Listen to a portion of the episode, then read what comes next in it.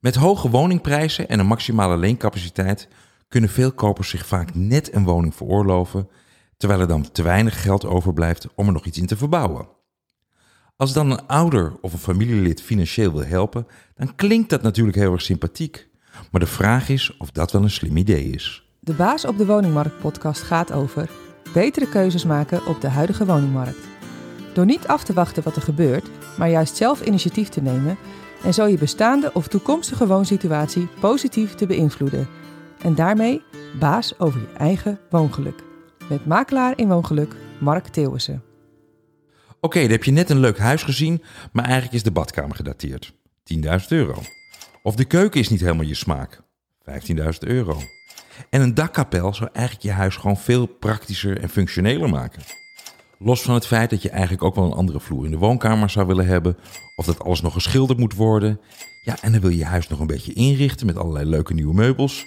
En dan blijkt al snel dat je toch een gelimiteerd budget hebt en dat je dan gewoon keuzes moet maken. Maar als een oma of ouders dan opeens aanbieden om je een lening te verstrekken, zodat je al je dromen in je huis toch kunt waarmaken, dan lijkt dat een fantastisch idee. Maar is dat nou echt zo slim? Geld lenen verandert namelijk je relatie met die persoon. En dat is op zich geen probleem als je relatie al zakelijk is, zoals bij een bank bijvoorbeeld. Maar het wordt een stuk gecompliceerder als je je zakelijk met privé gaat mengen. Want met geld lenen creëer je namelijk zakelijke verplichtingen. De verplichting om het terug te betalen, eventueel om rente te betalen, zeker als er ook nog andere broers en zussen in het spel zijn.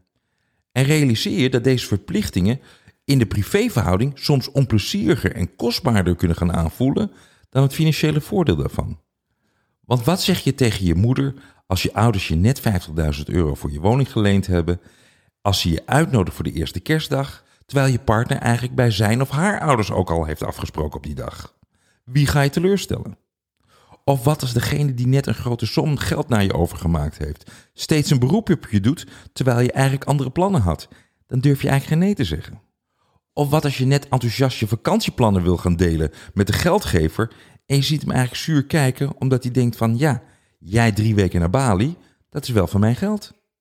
Geld lenen binnen familie zorgt al snel voor een zekere afstand tussen partijen en dat maakt van jou als geldnemer dan ook knecht of ondergeschikt in jullie relatie.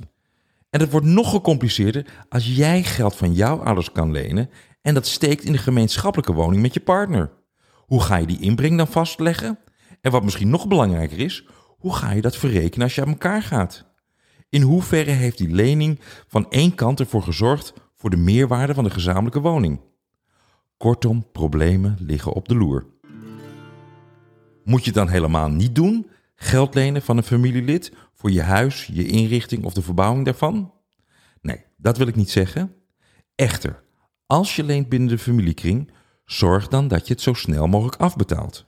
Of omzet in een reguliere zakelijke lening bij gewoon een zakelijke partij, zoals een bank, waarbij je geen enkele emotionele lijntjes voelt of banden mee hebt.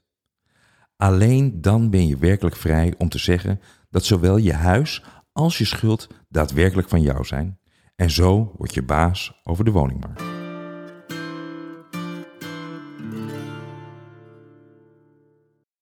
Nu de woningmarkt aan het kantelen is, is het tijd voor slimme verkopers om het heft weer in eigen hand te nemen.